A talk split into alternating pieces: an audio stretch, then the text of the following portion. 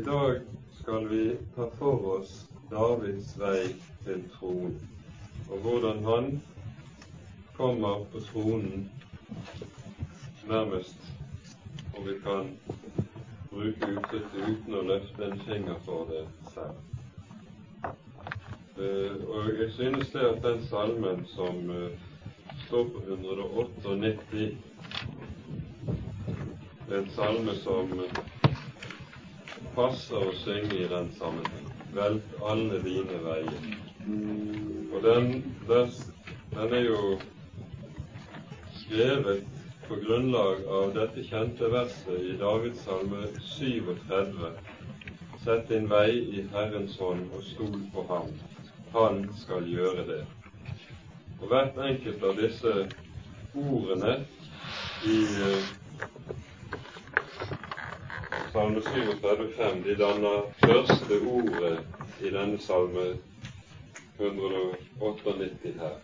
Hvis dere leser de første ordene i disse tolv versene, så får dere verset i Salme 37,5. Kan vi begynne med å be sammen?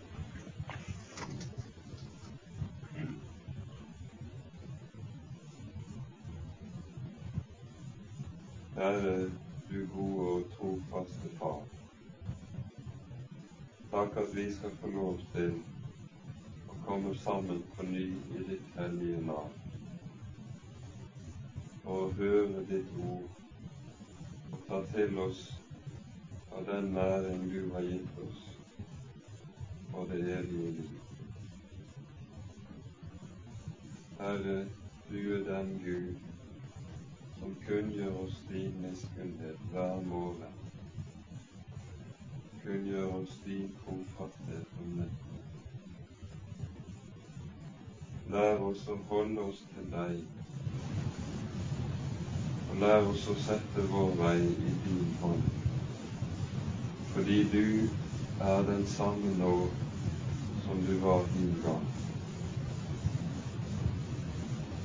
Herre, kom du og vær hos oss og ta med oss. Amen.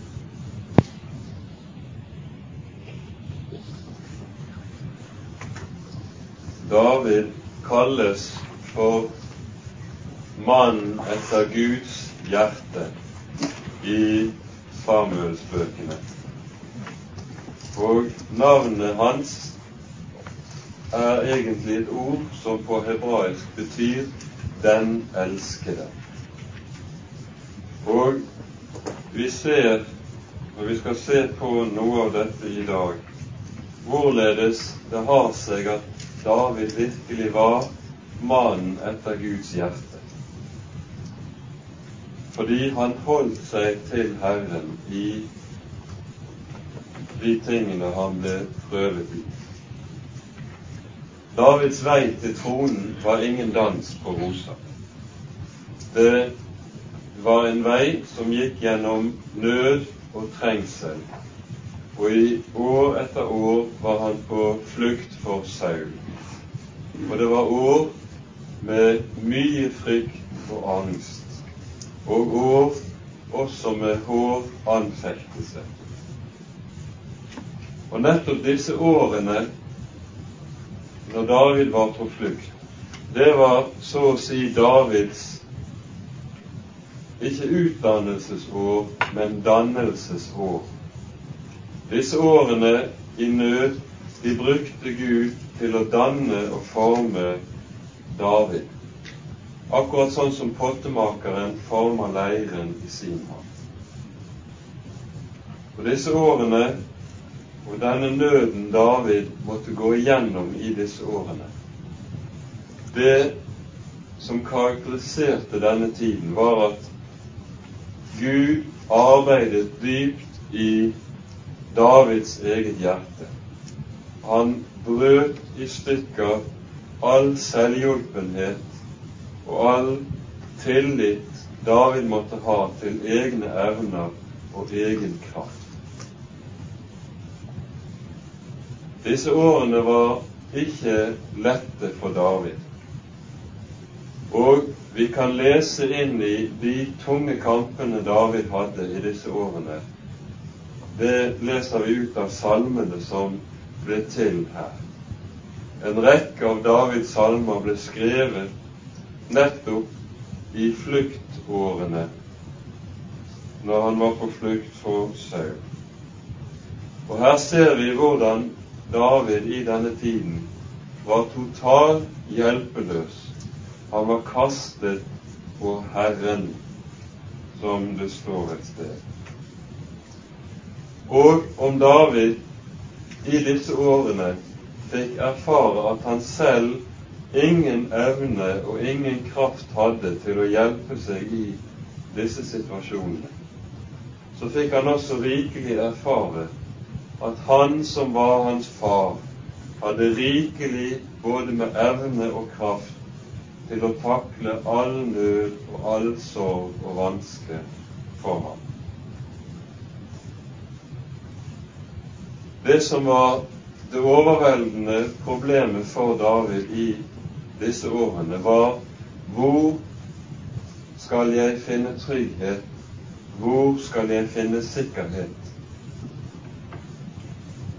Og så ble det stadig klarere for ham i nødstiden at han hadde bare ett sikkert punkt, og det var Han som var hans Herre og Gud. Herren er min klippe. Herren er mitt skjold. Herren er min faste tilflukt og min borg, synger han om igjen og om igjen i disse nødstidene. Og så blir det stående fast at uansett om fienden er aldri så nær ham, så kan fienden allikevel aldri nå ham. Uansett om fienden er aldri så sterk, så blir han ikke for sterk. Fordi han som er Herre, alltid sto imellom og voktet ham og verget ham. Og hvor mye vansker en enn måtte gå igjennom, så fikk han aldri kunne Saul og de andre aldri gjøre ham noe vondt i ordets egentlige forstand. Nøden var noe som tjente David til gode. Og det er denne troen som Salmenes bok ånder av. Det er en tro som er bygget på erfaring i samlivet med Gud. Så kommer det tidspunktet i Davids liv hvor han får muligheten til å komme på tronen. Tronen er så å si innen rekkevidde. Han kan bare rekke ut hånden, så er han ved målet. Og vi skal lese kapittel 24, i hvert fall de første versene av dette kapittelet. Jeg tror vi leser det hele i sammenheng, forresten. Og ser nærmere på det. Første Samuels bok, kapittel 24, ja.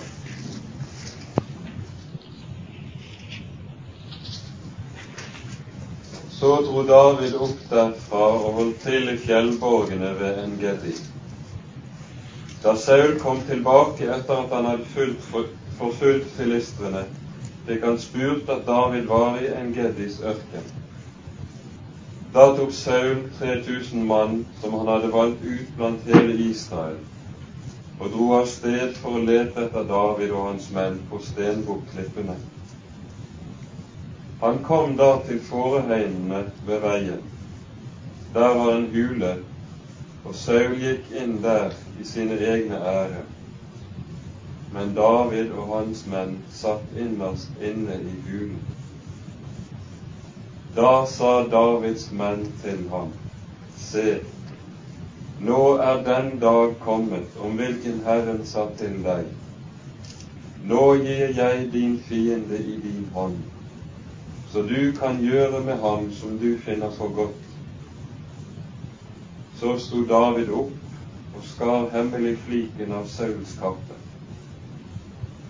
Men deretter slo samvittigheten David fordi han hadde skåret av fliken av Sauls kappe.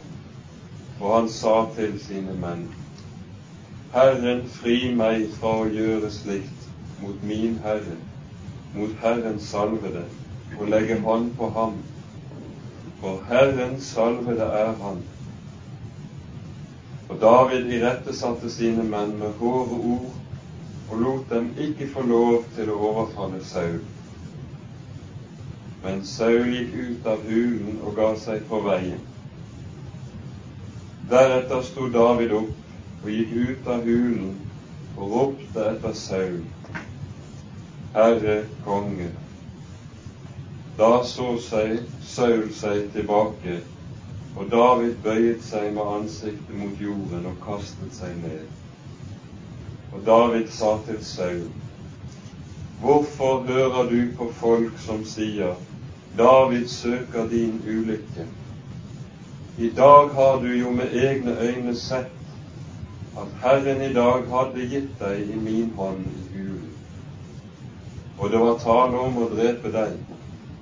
Men jeg hadde medynk med deg, og jeg sa, jeg vil ikke legge hånd på min Herre for Herren salvede er Han. Men se, min far, se, her er fliken av din kappe i min hånd.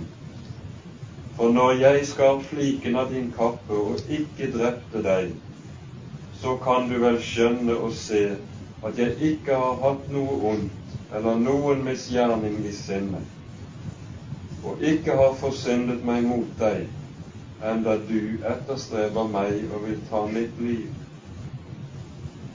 Herren skal dømme mellom meg og deg, og Herren skal hevne meg på deg, men min hånd skal ikke ramme deg.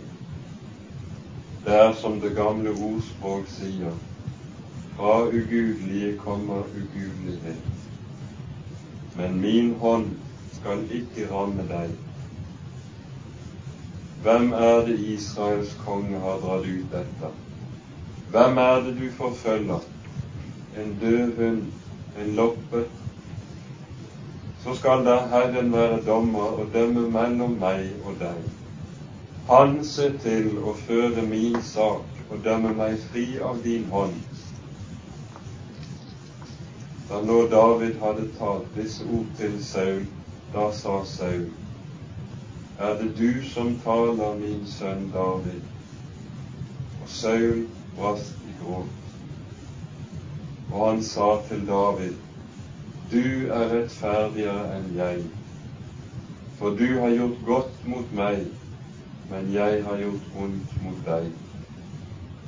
Du har i dag vist meg hvor god du har vært imot meg, idet du ikke drepte meg da Herren hadde gitt meg i din hånd. Når en mann treffer på sin fiende, lar han ham da gå sin vei i fred.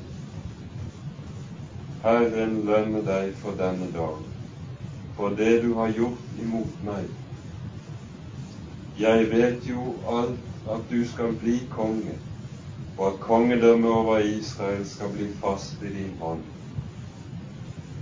Så tilsverg meg da nå ved Herren at du ikke vil utrydde mine etterkommere og ikke utslette mitt navn av min fars hus. Og David tilsvor Saul det, og Saul dro hjem. Men David og hans menn steg opp i fjellborgen. Vi har så vidt vært inne i dette kapittelet tidligere. Og vi kan vel kalle dette kapitlet for å være kapitlet om Davids fristelse. Alle Davids fristelser og prøvelser er liksom samlet i en sum her. Her prøves både Davids tro og Davids lydighet. Gud har lovet David kongedømme.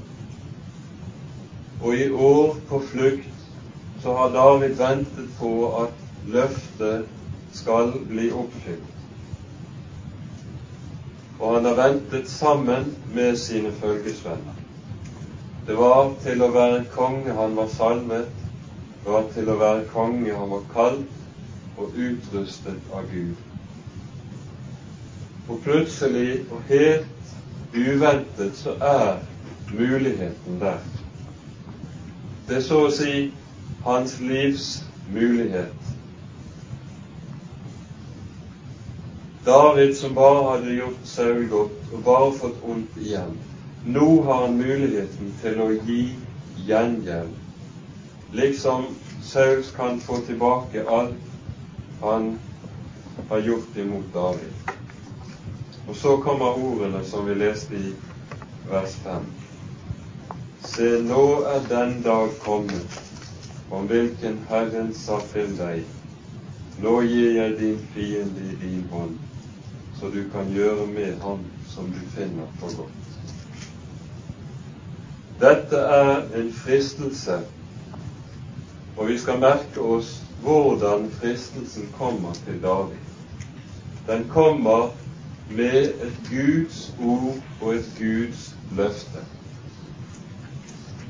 Og det er vel når fristeren kommer slik at han er aller farligst. Vi kan bare tenke på de parallellene vi har i fristelsesberetningen når Jesus fristes i Matteus 4 og Johannesevangeliets sjette kapittel. Djevelen kommer til Jesus og sier, Er du Guds sønn, da si at stenene skal bli til brød. Og litt senere, kast deg utfor, for står det ikke skrevet. Englene skal bære deg på hender, og du skal ikke støte din fot på noen sten. Og i Johannes 6 så fristes Jesus til å benytte seg av sin mulighet til å bli konge i Israel, slik han jo vitterlig var. Denne sorten fristelse er den farligste av alle fristelser, fordi den under skinn av å være Guds ord er det stikk motsatte. Det er djevelen som så å si kommer i lysets engels skikkelse og gir inntrykk av at det er Gud selv som gir mulighet, som gir lov til å gripe anledningen som her gir David lov til å hevde sin rett og så er det djevelsk, så er det motsatt. Djevelsk er det fordi det er Guds ord som den onde bruker og anvender. Det er revet ut av sin sammenheng og anvendes på en slik måte at det strider imot grunntonene overalt ellers i Guds ord. Ingen er flittigere til å lese Bibelen, og kanskje også til å sitere Bibelen, enn den onde. Men når han gjør det, så gjør han det nettopp slik løsrevet, for å få oss til å gå imot det som er grunnloven i Guds rike. Fristelsen blir vel også dobbelt farlig fordi den kommer til David gjennom venner, gjennom de som vil David bare godt. Akkurat som Peter når han kommer til Jesus og vil hindre ham fra å møte korset. Herren, fri deg fra dette. Og så må Jesus si til Peter, vik bak meg, Satan. Noe av det samme er det som møter David her. Og da skal det megen opptortelse i Guds ord til å se hvor dette kommer fra, og ikke bli lurt. Og David avviser det hele blankt. Og det som David da holder seg til, og som står fremme i bevisstheten hos David, er noen grunnsannheter som vi ser går igjennom hele Davids liv. Nemlig for det første Hvis det er Herren som har lovet David kongedømme, så må også Herren være den som gir han det, som så å si egenhendig setter ham på tronen, uten at han løfter en finger for det. Å ta seg til rette her vil være ensbetydende med vantro. Det vil for David være ensbetydende med å tenke at nå trenger Gud hjelp til å oppfylle sitt løfte. Han klarer det så å si ikke selv. Men den som faller i den grøften og lar seg friste på denne måten, han vil oppleve at det han gjør, er og blir under forbannelse av en bestemt grunn, nemlig den at det som gjøres, er menneskeverk og ikke Guds verk. Det da vil i tilfelle være David som hadde hjulpet seg selv opp på tronen. Han var ikke satt der av Gud. Og dermed gir David så å si saken tilbake i Guds hånd. Han vil ikke ha den i egne hender. Det er Guds egen sak å sette David på tronen. Det er ikke Davids. Davids sak er én, nemlig å bie på Han som er Herren.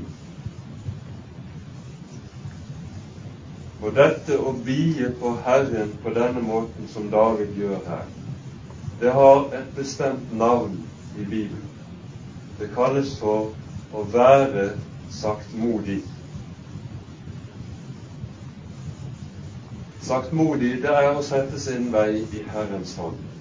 Dette ordet er dessverre forsvunnet fra den nye bibeloversettelsen og oversatt med andre ord som går i retning av noe som har med et sinnelag som er vennlig eller snill eller slike ting. For eksempel i Filippane 4-5 står det i den nye bibeloversettelsen da alle mennesker merker hvor vennlig dere er. Og det er en forvrengning av grunntekstens tanke. For det som står i den gamle oversettelsen her, er korrekt. La alle mennesker se deres saktmodighet. Hva skal mennesker se? Ikke at jeg er vennlig eller from eller snill, men de skal få se at jeg stoler på Gud, ikke på meg selv. Det er å være saktmodig. saktmodig. De skal få se at jeg tror på Gud og på ingen annen, og derfor vil jeg heller ikke hjelpe meg selv Da blir David ikke en som springer foran Herren. Og jeg tror vi skal lese disse versene i Salme 37, som er grunntema her i Davids liv.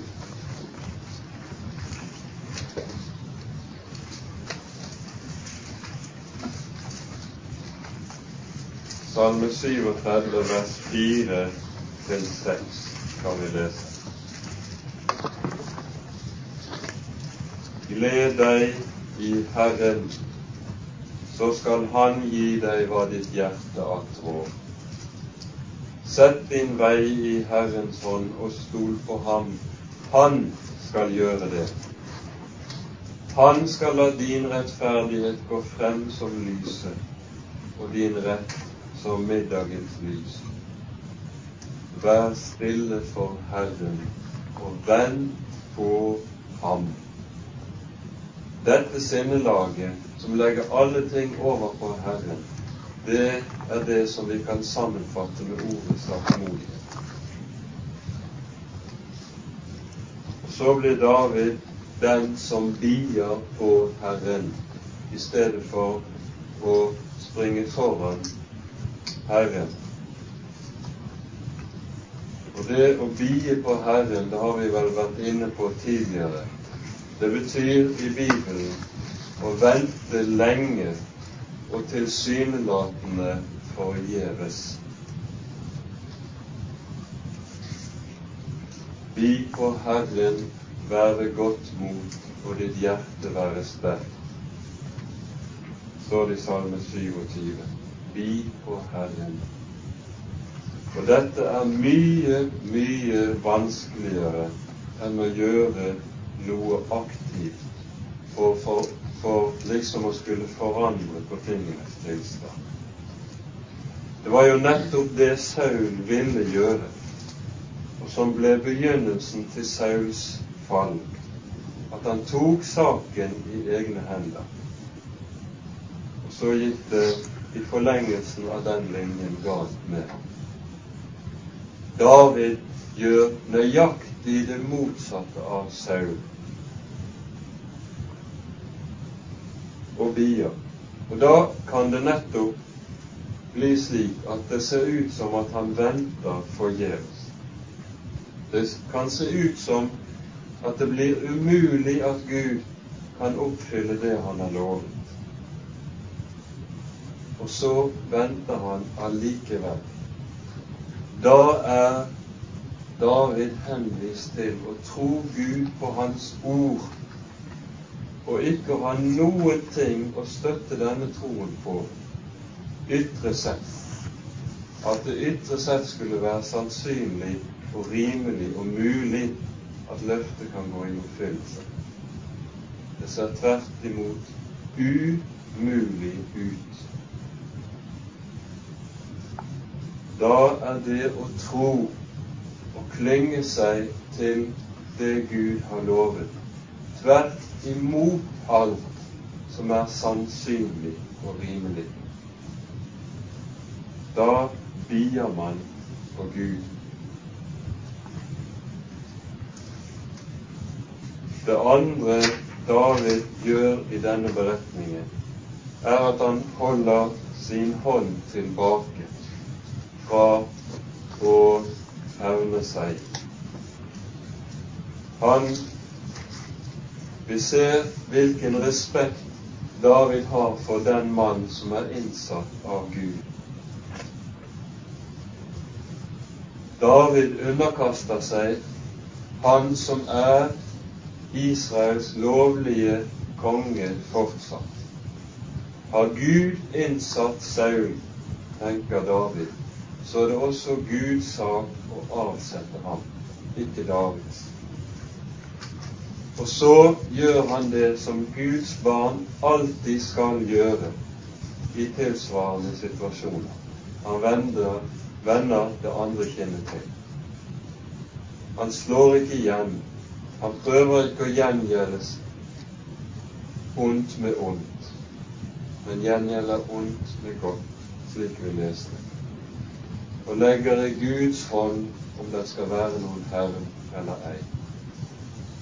Hevnen hører Herren til, står det skrevet.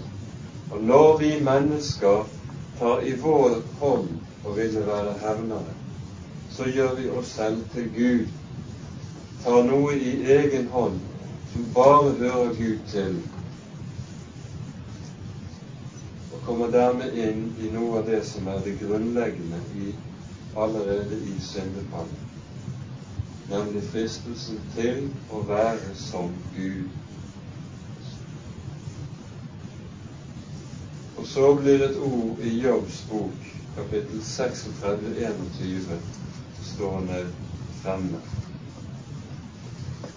Vokt deg for å gjøre synd for det har du mer lyst til enn til å lide.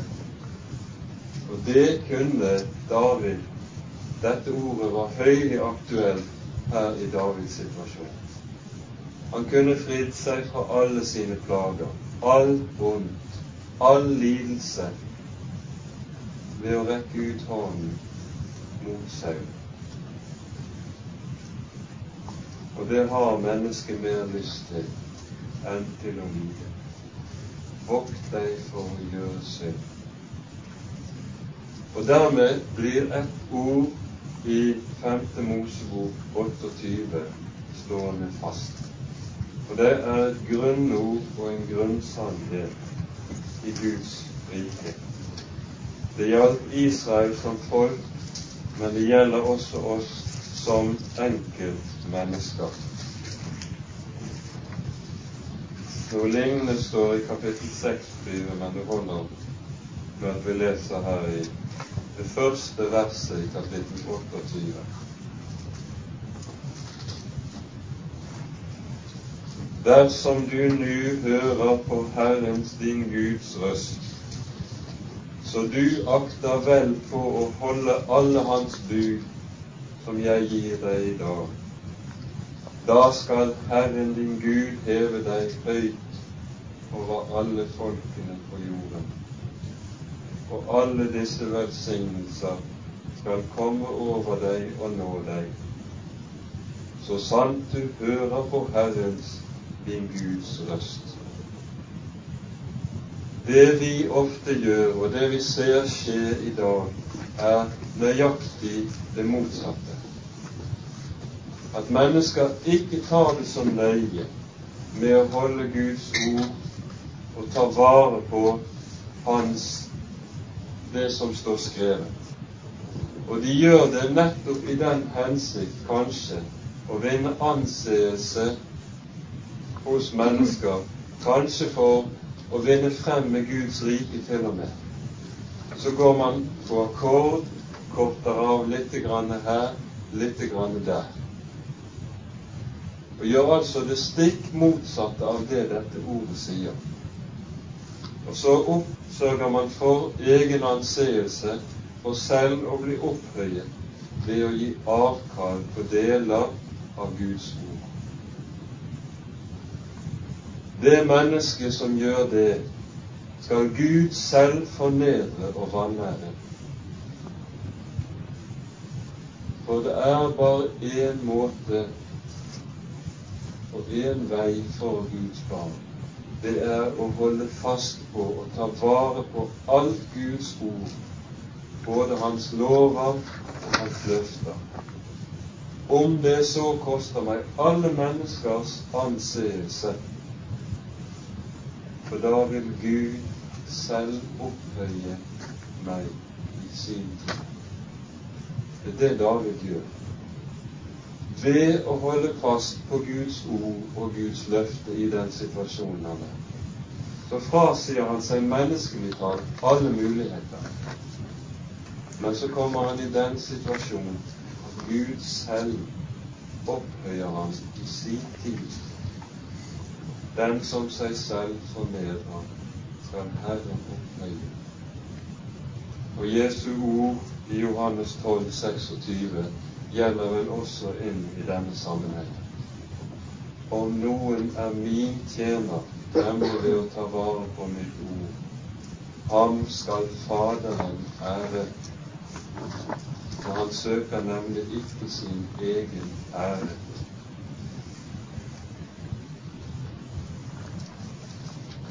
Så ser vi i denne situasjonen at Fader vårs avslutningsord på en måte samles i en sum her.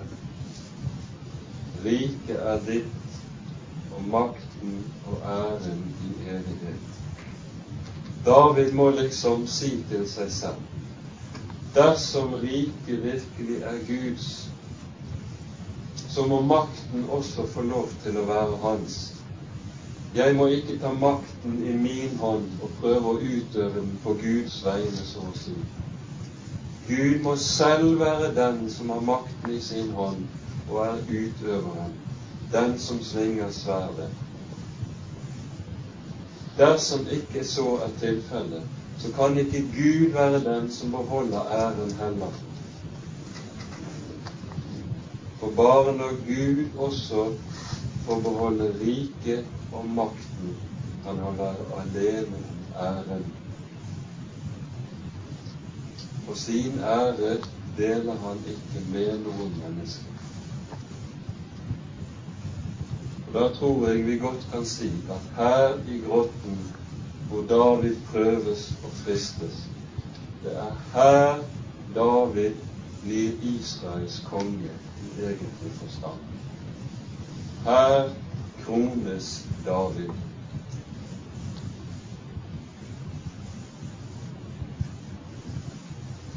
Så skal vi ikke gå inn på alle detaljer i den veien som fortsatte videre. Men vi skal se hvorledes i fortsettelsen David har trukket sin hånd tilbake, og hvordan Gud rekker ut sin hånd i stedet og setter David på tronen.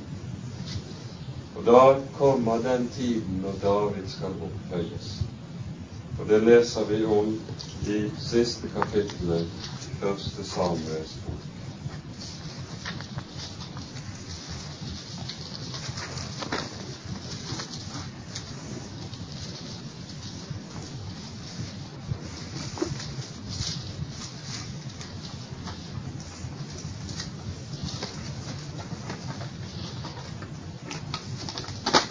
fordi Saul har forlatt Han som er Herre og Gud, har det skjedd, det som er så uhyggelig alvorlig, at Gud også har forlatt og vendt Saul ryggen.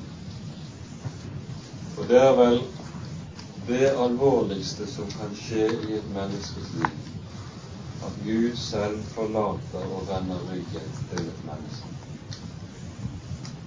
Sauls vei i denne tiden blir en vei dypere og dypere inn i mørket, inntil han til slutt faller her i kapittel 31. På grunn av at Saul har vendt Gud ryggen, så har filistrene, Israels fiender, i sterkere og sterkere grad fått makt over Israel på ny. Og vi leser om her i kapittel 31 hvordan Saul til slutt faller. Jeg tror vi leser noen vers av kapittelet her. Filistrene stred mot Israel, og Israels menn flyktet for filistrene, og det lå mange falne på Gilboafjellet.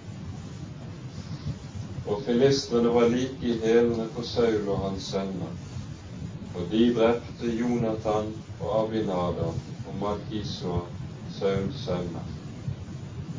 Og striden ble hård der hvor Saul sto, og bueskytterne kom over ham, og han ble grepet av redsel for skytterne.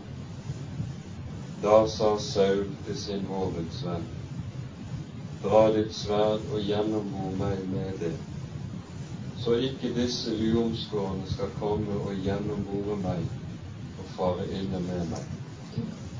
Men vårens ville ikke, han var for redd. Så tok Saul sitt sverd og styrtet seg i det.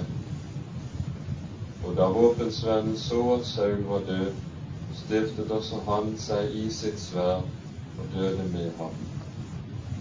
Således døde Saul og hans tre sønner og hans våpensvenn, og alle hans menn på en og samme dag. så står det i vers 8. Dagen etter kom filistrene for å plyndre de falne. Da fant de Saul og hans tre sønner liggende på Gilboafjellet. De hugg hodet av ham, røvet hans våpen og sendte dem rundt omkring i filistrenes land for å forkynne det glade budskap i deres avguders tempel og for folket. Og hans våpen la de i Astarte-tempelet og hans kropp hengte de opp på muren i Betsjan. Så døde Saul og var ikke lenger konge i Israel. Han døde ikke for Davids hånd. Filistrene var så å si Guds redskap i det som skjedde. Og så i kapittel 1 i andre Samuels bok leser vi om Davids reaksjon på dette som skjer. Han er fullstendig fri for all tanke på som skulle minne oss om personlig hevngjerrighet eller maktbegjær. Det er ren sorg som kommer til uttrykk i dette kapitlet. Og David skriver en klagesang og en sørgesang over både Saul og hans sønner, og særlig Jonathan. Og vi skal legge merke til den, dette som står her. Vi leser fra vers 18. Og David byr altså at denne klagesangen skal Israel lære. Den skal innlæres og innøves i deres hjerter. David kvar denne klagesang over Saul og hans sønn Jonathan. Din pryd, Israel, ligger gjedslått på dine hauger. O, at heltene skulle falle. Forkynn det ikke i gat, meld det ikke på gatene i Askeland at ikke filistrenes døtre skal glede seg, de uomskårnes døtre juble. Dere Gilboa-fjell, ikke falle det dugg eller regn på dere, ei heller være det marker som bærer offergaver. For der ble heltenes skjold plettet med blod, Sauls skjold ei salvet med olje. Fra fallenes blod, fra helters kjøtt, vek Jonathans bue aldri tilbake. Aldri kom Sauls sverd umettet hjem. Saul og Jonathan, elskelige og milde i livet, ble heller ikke skilt i døden. Hurtigere var de enn ørner, sterkere enn løver dere Israels døtre, gråt over Saul, som kledde dere yndige purpur, og som satte smykker og gull på deres kledebord. O, at heltene skulle falle i striden. Jonathan ligger ihjelslått på dine hauger. Hjertelig bedrøvet er jeg over deg, min bror Jonathan. Du var meg inderlig kjær. Din kjærlighet var meg dyrebarere enn en kvinnes kjærlighet. O, at heltene skulle falle, at krigens redskaper skulle omfalle. Vi ser hvordan David synger som om Saul var hans beste venn, liksom. Han har glemt alt ondt som ligger bak. Han har tilgitt det. Og vi forstår når vi kjenner Davids gudsfrykt og Davids karakter, at han hadde ondt av Saul. Han ønsket ham ikke vondt i det hele tatt. Vi ser noe av dette gi seg uttrykk nettopp i Salme 37, salmen som om å sette sin vei i Herrens hånd. Og det står her La ikke din vrede opptennes over de onde, og bli ikke harm over dem som gjør urett. For som gresset blir de hastig avskåret, og som grønne urter visner de bort.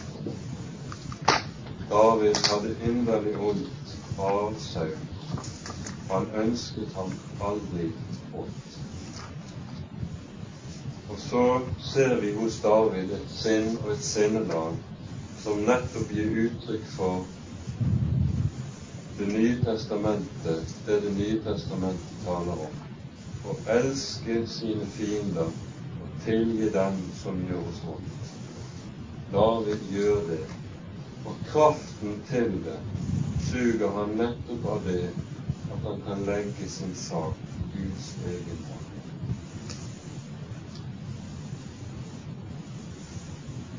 Nå skulle vi jo vente at nå ville David dra på triumfferd tilbake til Israel.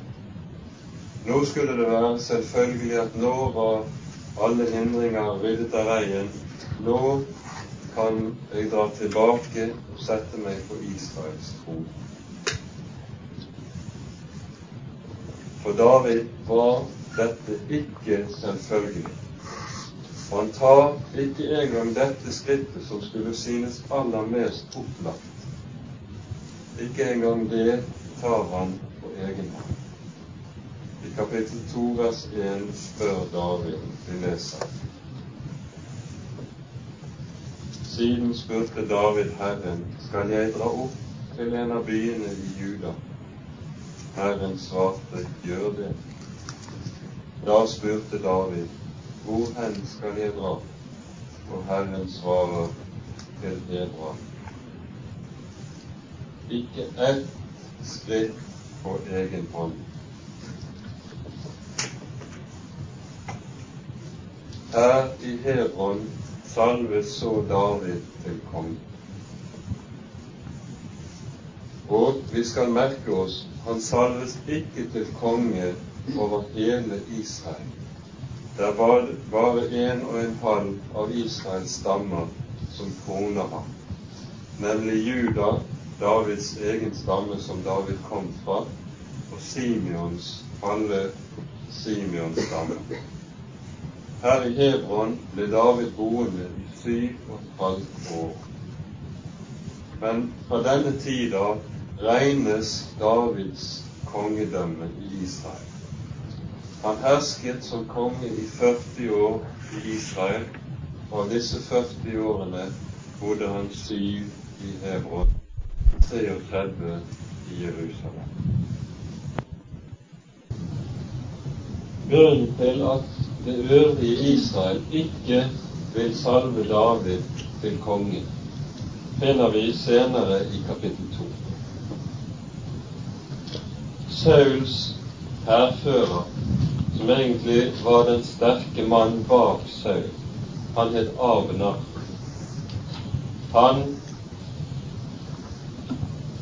slapp unna i slaget på Gilbo.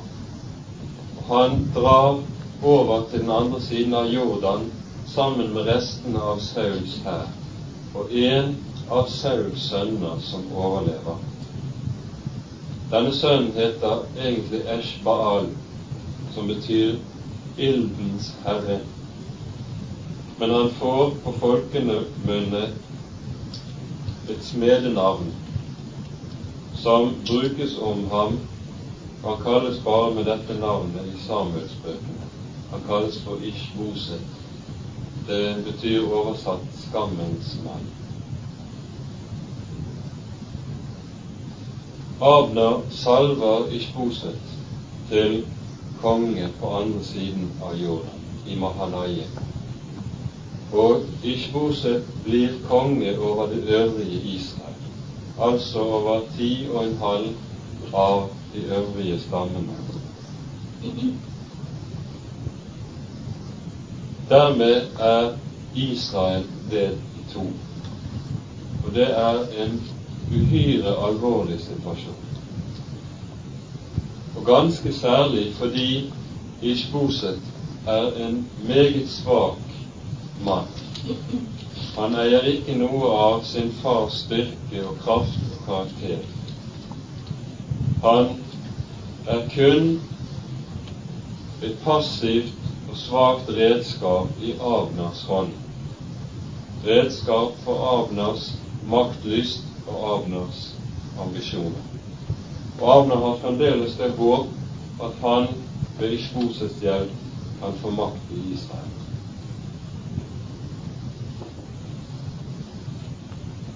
I denne situasjonen så legger vi merke til i kapitlene utover at David fremdeles ikke løfter én finger for å rydde denne hindringen for kongemyndigheten av veien. Når det kommer til strid mellom de to gruppene, så yppes det av Abner, og David er ikke engang med i det og ønsker det heller ikke. Og når det til slutt skjer, som vi leser om i kapittel 3 og kapittel 4, at først Abner blir drept, og siden Ishboset drepes, så skjer det fullstendig uavhengig av David. Han har ikke en finger med i spillet i det hele tatt. Det skjer ved ugudelige og onde menns hånd, som siden kommer reisende til David og tror at nå har de gjort en god gjerning, og nå skal de få lønn av David. For de regnet med at siden de hadde gjort noe som var til fordel for David, så skulle de få ta lønn som fortjent. David gjør det motsatte. Han straffer disse som gjør dette strengt og hårdt. Fordi det var skjedd ved urett og på ond måte. Men gjennom alt dette onde som skjer, hvor David så å si er passiv i alt sammen, så ser vi at Gud på likevel er den som leder veien frem for David. Åpner døren slik at David bare kan gå frem, bokstavelig talt i gjerninger som er lagt til rette for ham og for ham. Det er ikke David som springer foran Gud og prøver å legge gjerninger til rette for Gud, som Gud skal følge inn i og komme inn. Det er omvendt. Og vi har mye å lære av David her. Og i våre dager ser det ut til at det stort sett er omvendt. Vi finner på et og annet som vi tror at skulle Gud vil være med på, så ber vi etterpå Vær så snill å velsigne det vi har funnet på. Og så skal Gud liksom gå inn i de gjerninger vi har lagt til rette. David gjør det som Guds barn alltid skal gjøre. La Gud gå foran og følge selv etter i det som ligger ferdig. Og så skjer det at David også helt at det skjer at helt uavhengig av David vendes hele Israels hjerte. Disse ti stammene som tidligere fulgte i skosen, de vendes til David kommer til ham i Hebron. Så krones David der til konge over hele Israel. Vi kan lese et par vers av dette som står her.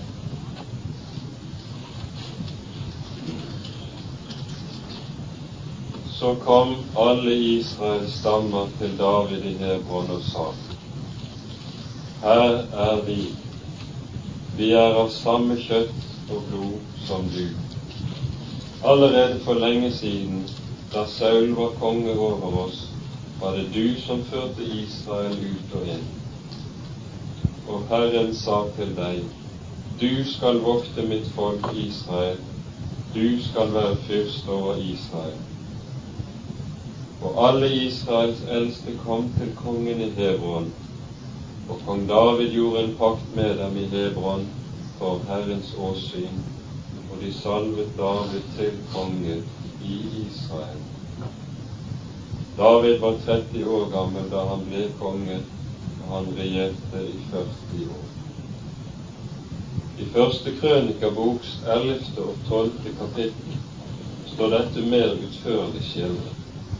Der står det ikke bare om hvorledes en liten del av de førende menn i Israel kommer til David, men hele Israel, alle våpenføre menn, kommer. Og vel å merke, de kommer ikke som de som er kalt sammen på noe bud. De kommer frivillig, alle sammen, og de kommer i stor glede og bringer David sine gaver. Og så minner de om dette som står i Salme 110, om det som gjelder Guds folk, som frivillig kommer frem. Din ungdom kommer til deg som dogg ut av morgenbrødens sjø. De kommer frivillig. Salme 110. Det er ingen ytre krefter som tvinger dem eller driver dem eller maser på dem. Av fri glede kommer de til ham som sin rette konge, som de før hadde avvist og fornektet og kjempet imot. Og vi skal merke oss denne Israels omvendelse til David, den blir et forbilde på det som skal bli Israels omvendelse til Han som er deres rette hyrde og konge i den siste tid. Det står løfter både i Det gamle og Det nye testamentet om hvorledes det som er dagens Israel i den siste dag, tid samlet skal omvende seg til ham. Og så står det i Sakarias 12.: I de dager vil jeg utgyte nådens ånd og bønnens ånd over Jerusalem og over Judas innbyggere. De skal skue opp til ham som de har gjennomstått. De skal tilbe ham og ære ham som sin rette I de siste dager har Gud lovet at dette skal skje. Og denne Israels omvendelse skal bli som liv av døde, ikke bare for Israel selv, men for folkene og i resten av verden. Dette tales det om i Romerbrevets 11. kapittel. Vi kan ikke gå på det.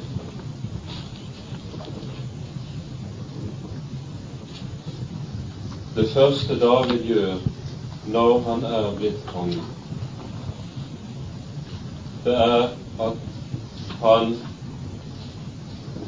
må finne hovedstaden for sitt folk.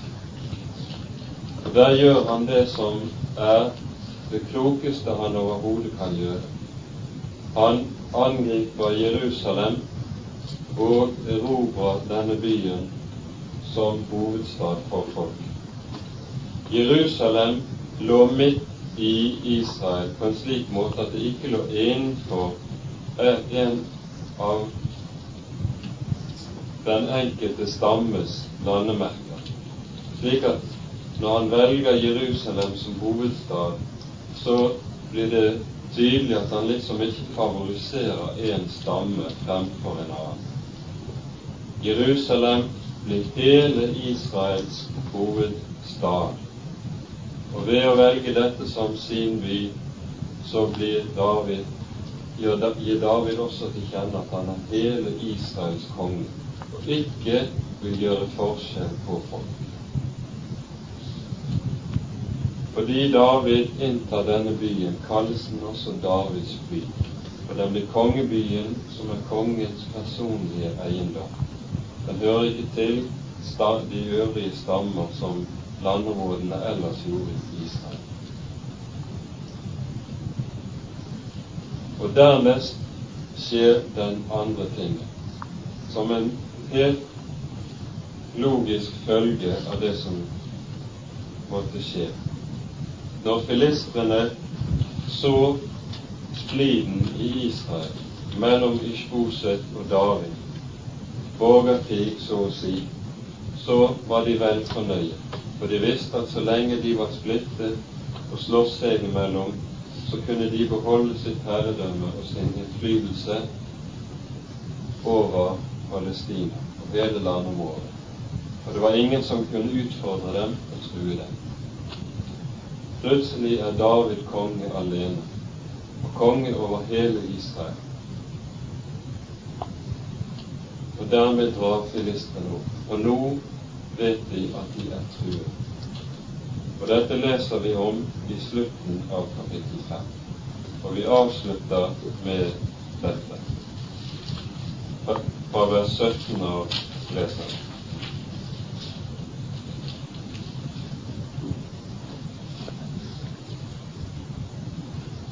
Da filistrene hørte at David var blitt salvet til konge over Israel, dro alle filistrene ut for å søke etter David.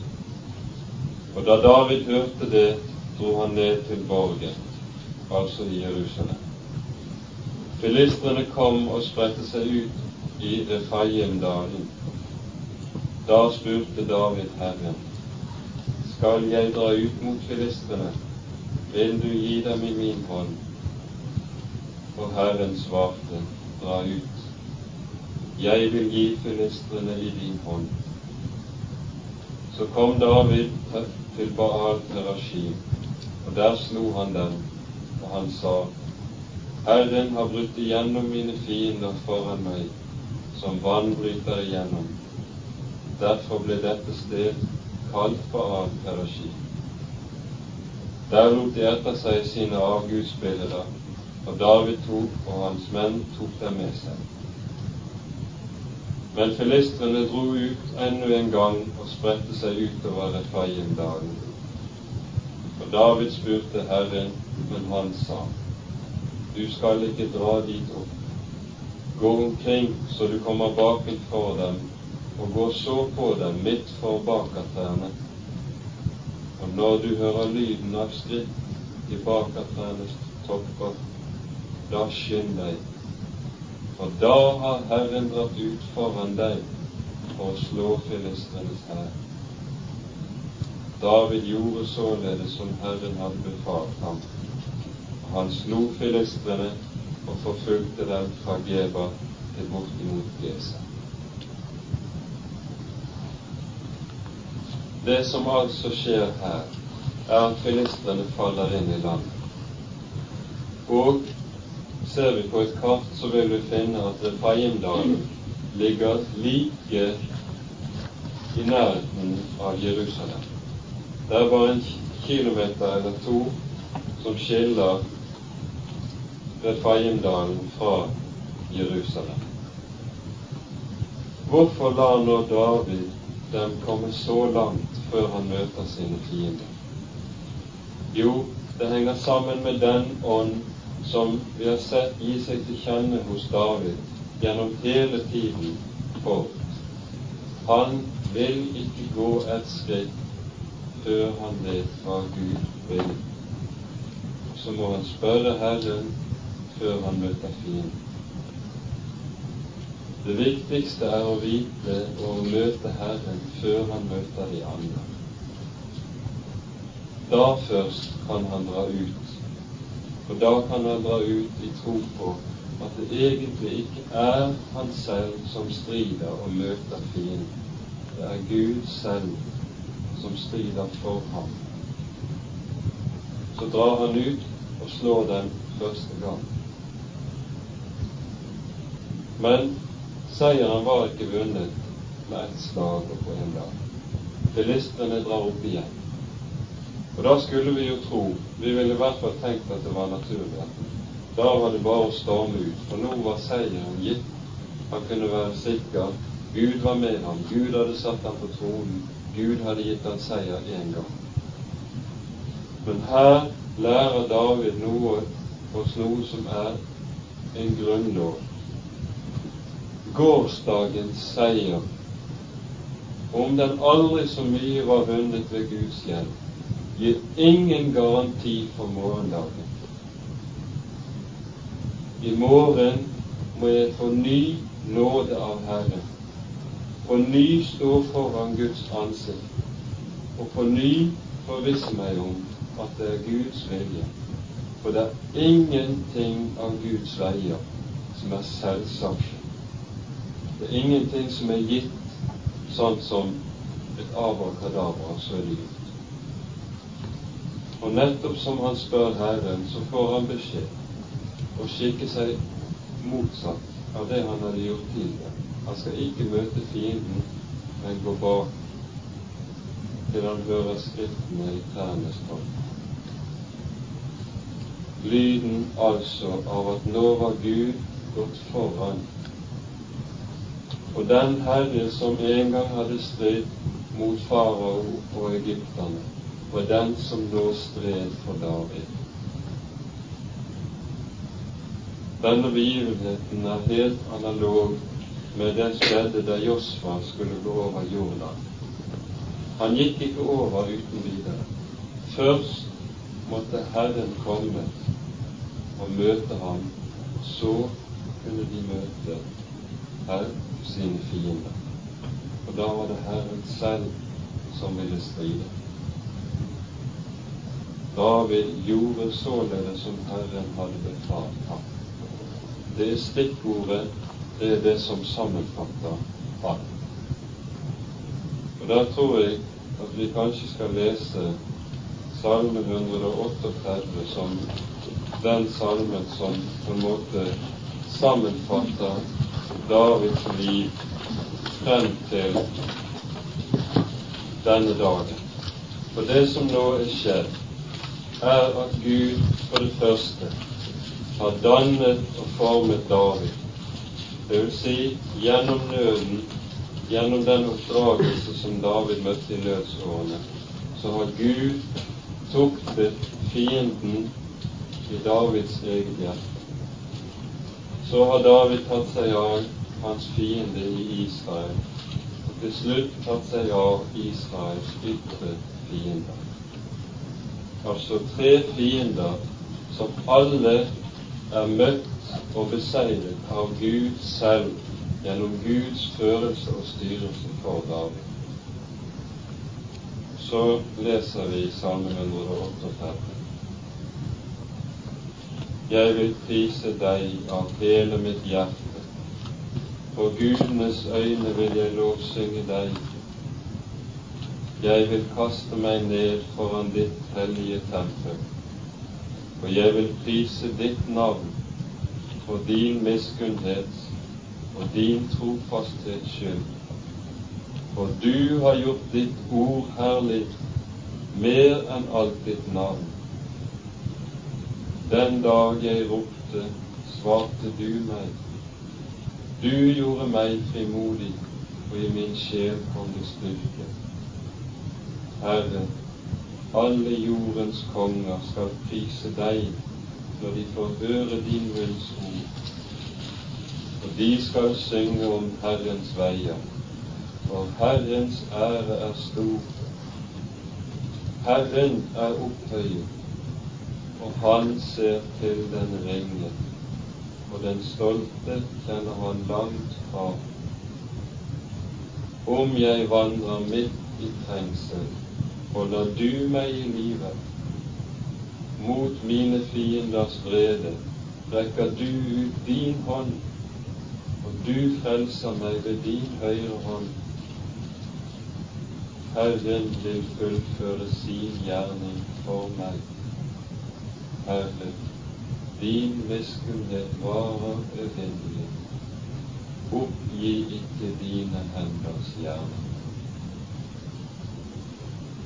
Det som altså er skjedd, er at Herren frem til denne dag har fullført sin gjerning for David. Det var ikke David som skulle fullføre Guds gjerning for Gud, så å si. Det var omvendt. Det var Gud som skulle fullføre sin gjerning for David.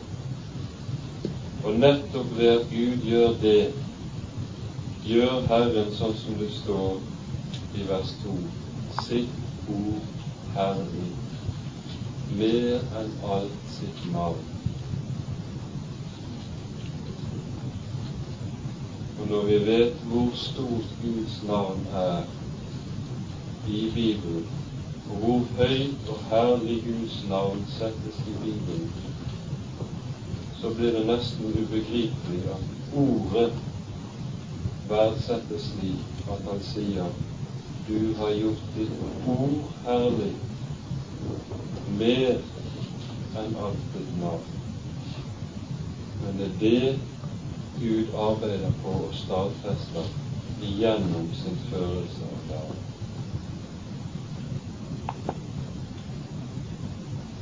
det. Tror vi stanser der.